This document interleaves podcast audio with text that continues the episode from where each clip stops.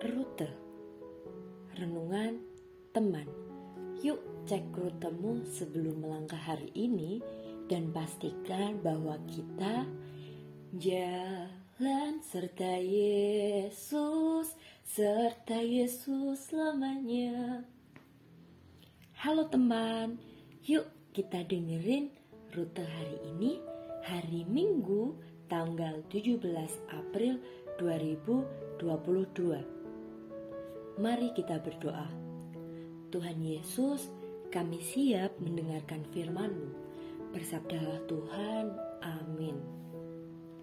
Pembacaan Alkitab kita pada hari ini terambil dari kitab Injil Yohanes 20 ayat 1 sampai 10. Dengan judul Kebangkitan Yesus. Pada hari pertama minggu itu, Pagi-pagi benar ketika hari masih gelap, pergilah Maria Magdalena ke kubur itu dan ia melihat bahwa batu telah diambil dari kubur.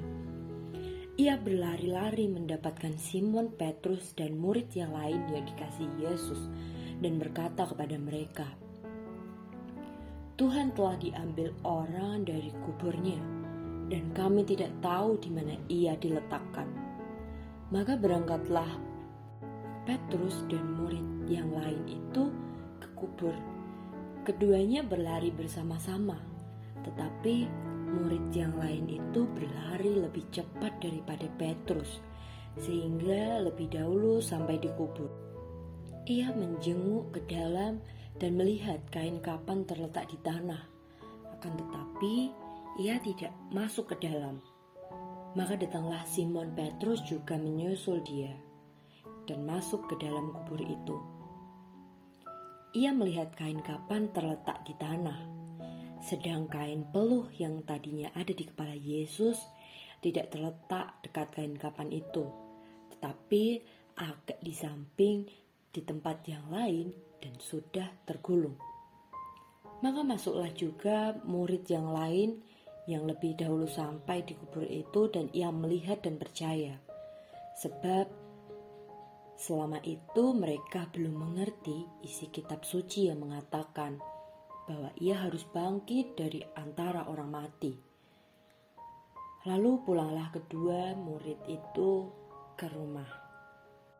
Demikianlah pembacaan Alkitab pada hari ini. Nah, teman, perenungan dari Sabda Bina Harian Teruna berjudul Kebangkitan Yesus bukan prank ada sebuah film berjudul Searching yang menceritakan seorang ayah mencari keberadaan putri tercintanya yang hilang. Seluruh upaya ayahnya digunakan untuk menemukan putrinya, termasuk melacak jejak digitalnya. Semua orang mengatakan bahwa putri tercintanya itu kabur meninggalkannya dan telah tewas. Namun, sang ayah tetap yakin bahwa putrinya bukan kabur meninggalkannya dan masih hidup. Akhirnya karena kepekaannya dan dia sangat mengenal karakter anaknya, sang ayah berhasil menemukan keberadaan putrinya dalam kondisi masih hidup. Maria Magdalena pastilah sangat mengasihi Yesus. Karena pagi-pagi benar dia sudah ke kubur Yesus guna meminyaki mayat Yesus. Namun setibanya di kuburan Yesus, dia dan para perempuan lainnya tidak menemukan jasad Yesus. Bayangkan bagaimana keterkejutannya. Dia berlari mendapatkan para murid Yesus lainnya dan berkata kepada mereka dan mereka semua bergerak menuju kubur Yesus untuk memastikan Para perempuan dan murid Yesus menduga mayat Yesus telah dicuri orang.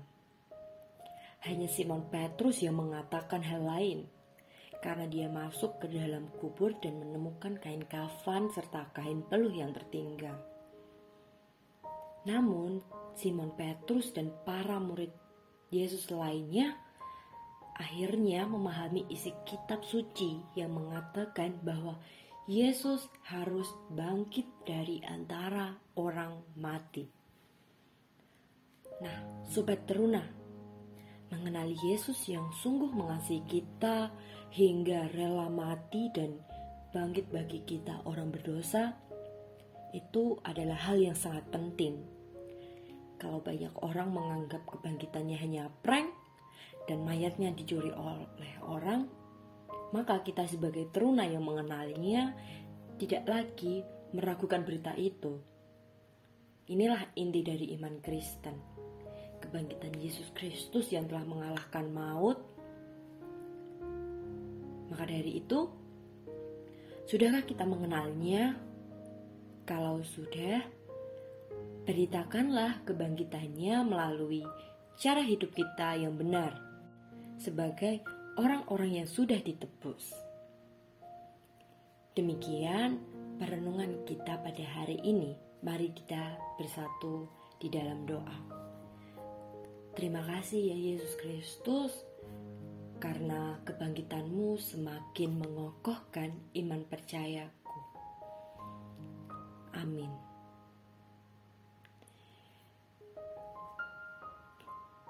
Selamat menjalankan rutemu hari ini dalam pimpinan Roh Kudus.